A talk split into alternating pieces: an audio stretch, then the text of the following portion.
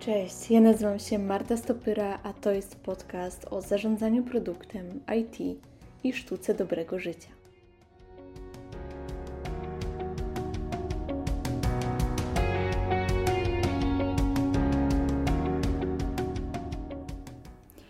Cześć, witam Was bardzo serdecznie.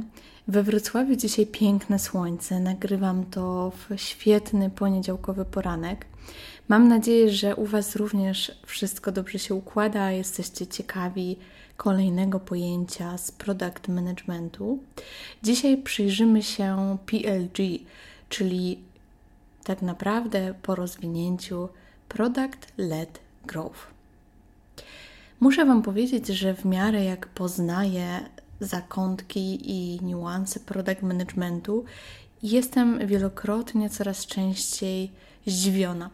Zdziwiona przez to, że tak często rzeczywistość, która mnie otacza, jest przeze mnie postrzegana jako po prostu oczywista.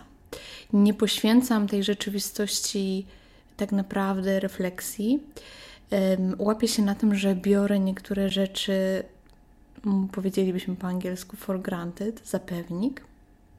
I dopiero w momencie, kiedy właśnie natrafiam na takie pojęcie jak PLG, o którym Ci, o którym Wam dzisiaj opowiem, to nachodzi mnie taka refleksja, że w zasadzie no tak, to jest coś, co otacza nas od już jakiegoś czasu, ale żeby w taki świadomy sposób w swojej głowie rozróżnić różne modele, musimy poświęcić tym zagadnieniom trochę energii, trochę czasu. Musimy się też zastanowić, jak coś działało wcześniej, a jak działa teraz. I podobnie jest właśnie z product, product led growth. Skąd w ogóle pomysł na ten odcinek? Jakiś czas temu czytałam raport The Future of Product Management przygotowany przez Product School i tam właśnie PLG było przedstawiane jako jeden z wiodących, wznoszących się trendów w organizacjach, który wciąż nabiera tempa i tak naprawdę rewolucjonizuje, zmienia rynek produktu organizacji. W jaki sposób zmienia, opowiem Ci też trochę pod koniec tego odcinka, natomiast zanim zdefiniujmy sobie, czym tak naprawdę product-led growth jest. Tutaj możesz natrafić na wiele różnych definicji. E, przede wszystkim mówi się, że to jest strategia biznesowa, strategia go-to-market, że jest to model dystrybucji Twojego produktu, ale także strategia rozwoju firmy przez to, że właśnie ten model, e, ten produkt rozwijamy, że jest to model wzrostu i też nowy sposób rozwoju biznesów SaaSowych, czyli Software as a Service. I tutaj pierwsza rzecz, jaką chciałabym, żebyście zapamiętali, to że właśnie PLG często sprawdza się w przypadku produktów software'owych. E, myślę, że za chwilę będziecie w stanie też zrozumieć dlaczego i zobaczyć te analogie. Co ważne, również po raz pierwszy pojęcie Product-Led Growth zostało użyte, zostało wykorzystane przez Blake'a Bartletta w 2016 roku. Blake e, pracował wówczas dla firmy OpenView i to oni jako pierwsi wykorzystali to pojęcie. Ono się przyjęło jako właśnie koncepcja podejścia do strategii biznesowej i w zasadzie teraz jest często używana i też możemy zobaczyć wiele firm, które ją stosują. Do takich firm należy m.in. Slack, Atlassian czy Dropbox. O co chodzi tak naprawdę w Product Led y, Growth?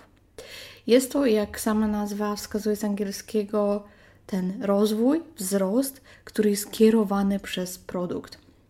To, co jest ważne, to trafiamy do naszego użytkownika przez ten produkt, chcemy jak najszybciej, żeby ten użytkownik zaczął produktu używać, żeby dostrzegł wartość z tego produktu. Jak najszybciej. I dzięki temu, aby później był w stanie zdecydować się na zakup. I tutaj, jak mówimy o tym, żeby właśnie użytkownik zdał sobie sprawę, zobaczył tę wartość, to często to się określa w literaturze też jako taki mo mo moment aha, albo mówimy też o activation rate, czyli właśnie tym momencie, kiedy użytkownik doświadcza już wystarczającej wartości z tego produktu, żeby ją docenić. Niekoniecznie, aby zmienić swoją subskrypcję na płatną, aby zakupić produkt, ale żeby po prostu docenić tę wartość, jaką tutaj nam to daje. Co ważne, w PLG tak naprawdę bardzo mało uwagi poświęca się procesowi sprzedaży jako takiej, to znaczy przygotowywaniu jakichś materiałów, ulotek, e, podsumowujących również zalety tego produktu. To nie jest potrzebne, ponieważ my od razu zachęcamy użytkownika, używaj nasz produkt i wtedy sam się przekonasz. I zobaczcie, co za tym idzie, coś, co mnie też bardzo zafascynowało, że dzięki temu automatycznie jeszcze bardziej koncentrujemy się na doświadczeniach użytkownika, czyli user experience, i właśnie ten fokus jest na produkcie od razu, na użytkowniku, nie na tym, żeby przygotować tę otoczkę. I tutaj na myśl też przychodzi mi bardzo wyraźnie taka analogia do Agile'a, tak? Kiedyś w takim podejściu kaskadowym, iteracyjnym najpierw przygotowywało się dokumentację, projektowało się to wszystko, potem dopiero samo oprogramowanie, implementację. No i oczywiście wadą tego modelu w momencie, kiedy właśnie to było takie stricte iteracyjne, było to, że mogły się rzeczy zmienić, że wiele rzeczy już nie było aktualnych, trzeba było to aktualizować i tak dalej. I to jest podobnie. Mm, właśnie to PLG jest mi bardziej bliższe do, do Agile'a, do tego, że ok, to teraz my od razu zapraszamy użytkownika do interakcji i dzięki temu mamy szybciej też feedback, tak?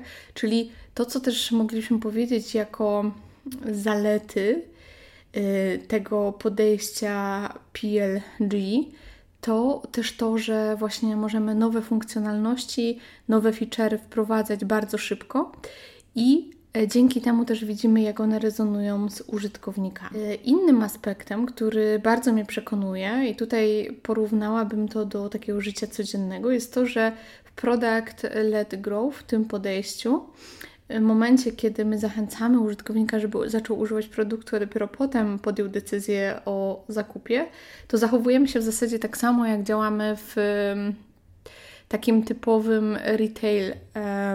Przykładowo, jeżeli kupujesz bluzkę, jeżeli kupujesz okulary, jeżeli kupujesz perfumy, to najpierw chcesz to wszystko przymierzyć albo chcesz te perfumy powąchać. Rzadko się tak zdarza, że po prostu jesteśmy zmuszeni do tego, żeby coś kupić i dopiero wtedy mm, doświadczyć. A nawet jeżeli tak jest, to zawsze możemy to jeszcze oddać, żebyśmy mieli właśnie tę y, elastyczność w wyborze. I PLG mówi coś podobnego. Wypróbuj, a potem możesz kupić. I w jaki sposób te próby się dokonują? Różne. Może to być na przykład bezpłatny trial, E, wersja próbna, która wygasa po 30 dniach i wtedy już użytkownik musi podjąć decyzję o zakupie. Może to być produkt typu freemium, czyli mamy część funkcjonalności podstawowych za darmo i później dodatkowe funkcjonalności płatne, które są, patrząc na model biznesowy, na o tyle istotne, że rzeczywiście liczymy na to, że wielu użytkowników zdecyduje się skonwertować swoje konto do właśnie wersji płatnej. Częściowo zaczęłam już e, mówić tutaj o tych zaletach PLG, natomiast żeby uważam w pełni powiedzieć o tych zaletach, to ważne jest e, odniesienie tego modelu, tej strategii biznesowej do innej strategii, która była wcześniej bardzo popularna. W literaturze często oznacza się tę starą strategię, odnosimy się do tej starej strategii jako sales-led, czyli prowadzona przez sprzedaż. I czym charakteryzowała się taka strategia? Przede wszystkim był tam duży nacisk na sprzedaż, na salesów, na ich aktywności. To znaczy, najpierw poświęcano dużo czasu, żeby przygotować materiały reklamowe, żeby przygotować listy zalet, jakie ten potencjalny użytkownik będzie z produktu miał żeby zrobić jakieś demo dla kogoś, żeby właśnie dużo, dużo poświęcić czasu na budowanie tej relacji, w ogóle dotarcie do tych potencjalnych użytkowników, a dopiero na końcu wchodził produkt, który zaczynał być używany. No i często też tak się okazywało, że wcale to nie o to chodzi, że te funkcjonalności tego produktu inaczej rezonują z użytkownikami niż oczekiwano. I też zauważ, że jeżeli chodzi o ten sales-led model, to możliwości skalowania były znikome, bo w momencie, kiedy chcieliśmy właśnie działać na większą skalę, to potrzebowaliśmy więcej osób, które będą właśnie zajmować się sprzedażą. Tego zupełnie nie ma w PLG. Tam tak naprawdę ta skalowalność jest wbudowana w produkt i ten model ekspansji też, jeżeli produkt jest dobry, jeżeli przekonuje sam sobą, swoją wartością, to sam sobą jest e, też mm, tak naprawdę środkiem sprzedaży i taką samą napędzającą się machiną ekspansji. Więc to jest bardzo fajne, jeżeli chodzi o PLG. Mm, też jeżeli chodzi o ten stary model e, sprzedaży, no to tak naprawdę te koszty pozyskania klientów, czyli koszty akwizycji, były bardzo duże. No właśnie, żeby dotrzeć do użytkownika, żeby go przekonać, żeby on zaczął używać nasz produkt, to to wszystko kosztowało. Jeżeli chodzi o PLG, to tutaj tych kosztów tak naprawdę nie mamy zbyt dużych albo mamy je znikome, dlatego że dajemy komuś produkt, który sam sobie z wartością, więc ludzie zaczynają tego używać, a przez to, że zaczynają tego używać, to również to poznają. I co za tym również idzie, Myślę, że właśnie w odniesieniu do tego sales-led model, w porównaniu do niego, jesteśmy w stanie wymienić jeszcze kilka zalet podejścia product-led growth. Między innymi to, że ten cykl sprzedażowy zazwyczaj jest krótszy. Tak jak wspominałam już wcześniej, koszty akwizycji, koszty pozyskiwania nowych użytkowników, klientów są mniejsze. I no właśnie, ponieważ koszty pozyskiwania, czyli koszty sprzedaży są mniejsze, to również koszty zakupu mogą być mniejsze.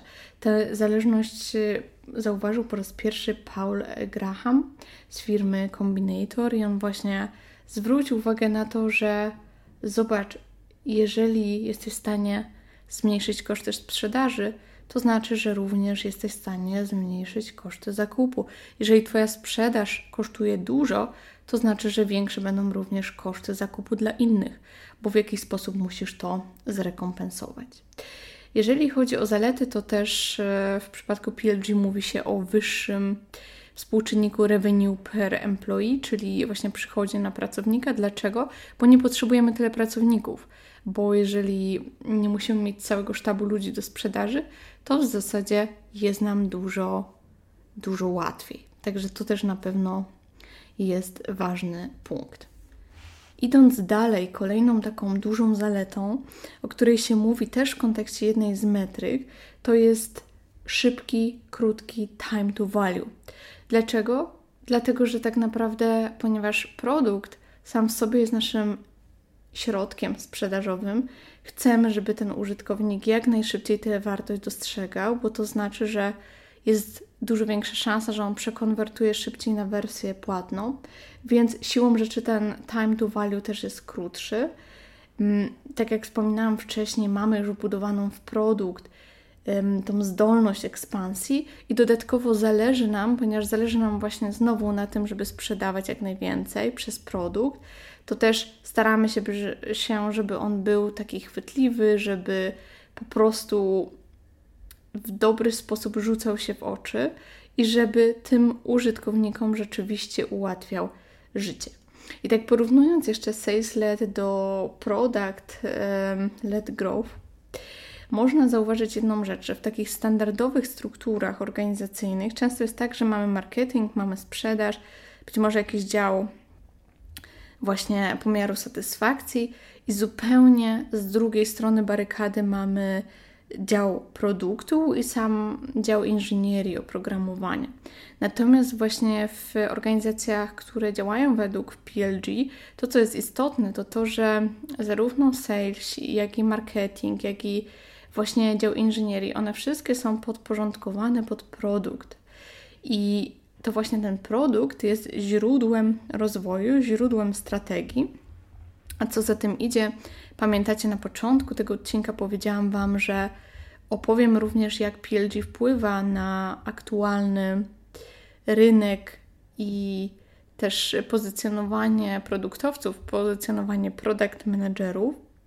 I tutaj trzeba powiedzieć, że wpływa bardzo znacząco, ponieważ kiedyś w takiej starej strukturze, no to produktowcy byli odpowiedzialni za produkty i w zasadzie tam ich odpowiedzialność się kończyła. Na poziomie strategii firmy, organizacji nie mieli za dużo do powiedzenia, ale jeżeli jesteśmy teraz PLG, jeżeli to właśnie produkt jest źródłem tej strategii, to nagle pojawia się konieczność właśnie leadershipów wśród produktowców, leadershipu na poziomie organizacji.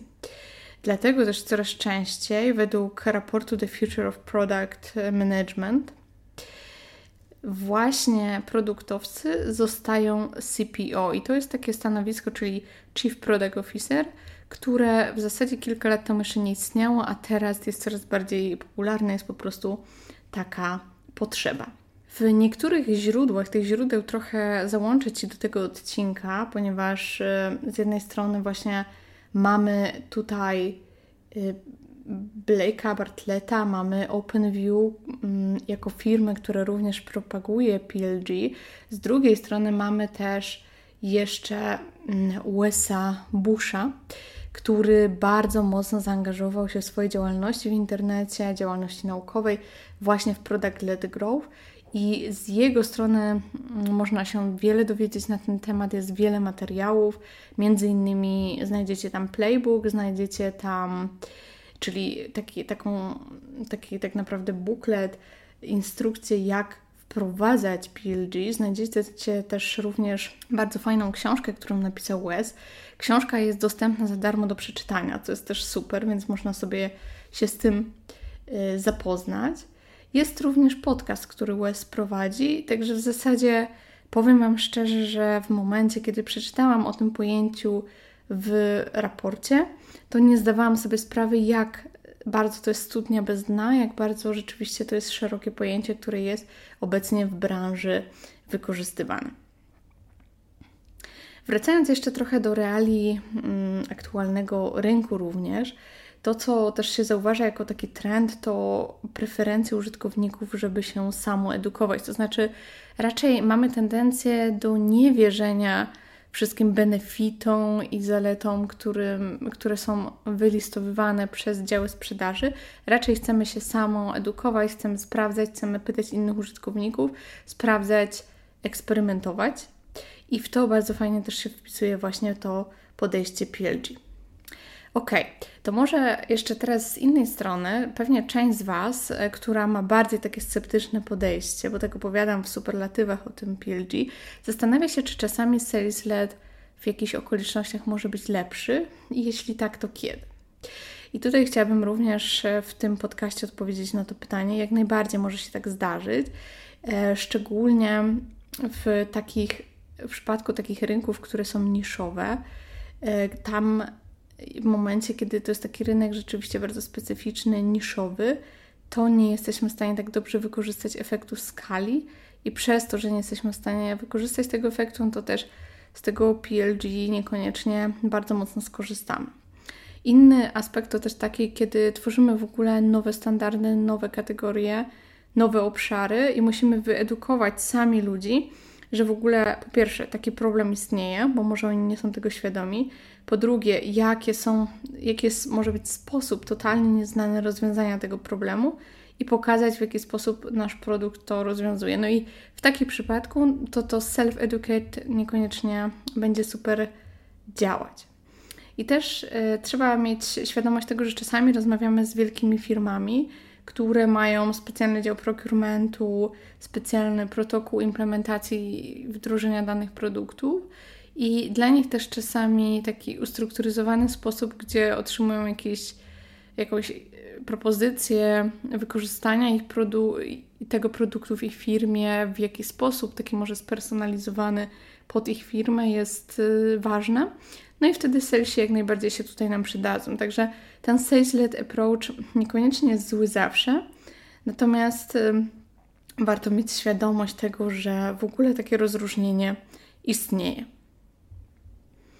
I to już wszystko, co chciałam przekazać Wam w tym odcinku. Mam nadzieję, że od dzisiaj będziecie też z taką jeszcze większą ciekawością patrzeć na modele biznesowe, jakie nas otaczają, ponieważ dla mnie tak naprawdę no, było oczywiste, jak działa Slack, Atlassian czy Dropbox, ale tak naprawdę nie utożsamiałam tego z osobnym modelem biznesowym. I tutaj to jest bardzo ciekawe, że rzeczywiście można świadomie rozróżnić te dwa modele. Jeżeli będziecie zainteresowani, to PLG też ma rekomendowane odpowiednie e, metryki. E, między innymi to, o czym tu wspominaliśmy już w tym odcinku, to jest ta akwizycja, to jest activation rate, e, to też jest time to value, ale to na przykład też może być product qualified lead. I product qualified lead, bo tego pojęcia jeszcze nie wyjaśniałam, to jest taka osoba, taki lead, w marketingu często tak, tak nazywamy danego potencjalnego użytkownika, który doświadczył wystarczająco znaczącej wartości z produktu. I ta wystarczająca, znacząca wartość jest definiowana przez firmy w różny sposób. Na przykład Slack definiuje, że to jest taka osoba, która jej na swoim koncie osiągnęła limit wysłanych 2000 wiadomości. Dla Facebooka na przykład to jest osoba, która dodała za jednym e, razem 7 nowych kontaktów, 7 nowych przyjaciół, znajomych. I tak naprawdę każda z firm też może to inaczej definiować. Dzięki. To już wszystko z mojej strony. Mam nadzieję, że dzisiejszy odcinek wydał Wam się ciekawy, że również wyniesiesz coś z tego i będziesz się zastanawiać, jak to jest w Twojej organizacji, czy już jesteście PLG, może jeszcze nie. Um, natomiast myślę, że to też bardzo fajnie wróży na przyszłość w kontekście rozwoju product managementu i rozwoju w tej roli. Wiem, że czekacie też na odcinek o tak naprawdę ścieżce kariery produktowca. Mam nadzieję, że w przyszłości uda mi się też takie materiały dla Was przygotować, a tymczasem życzę Wam udanego dnia i do usłyszenia.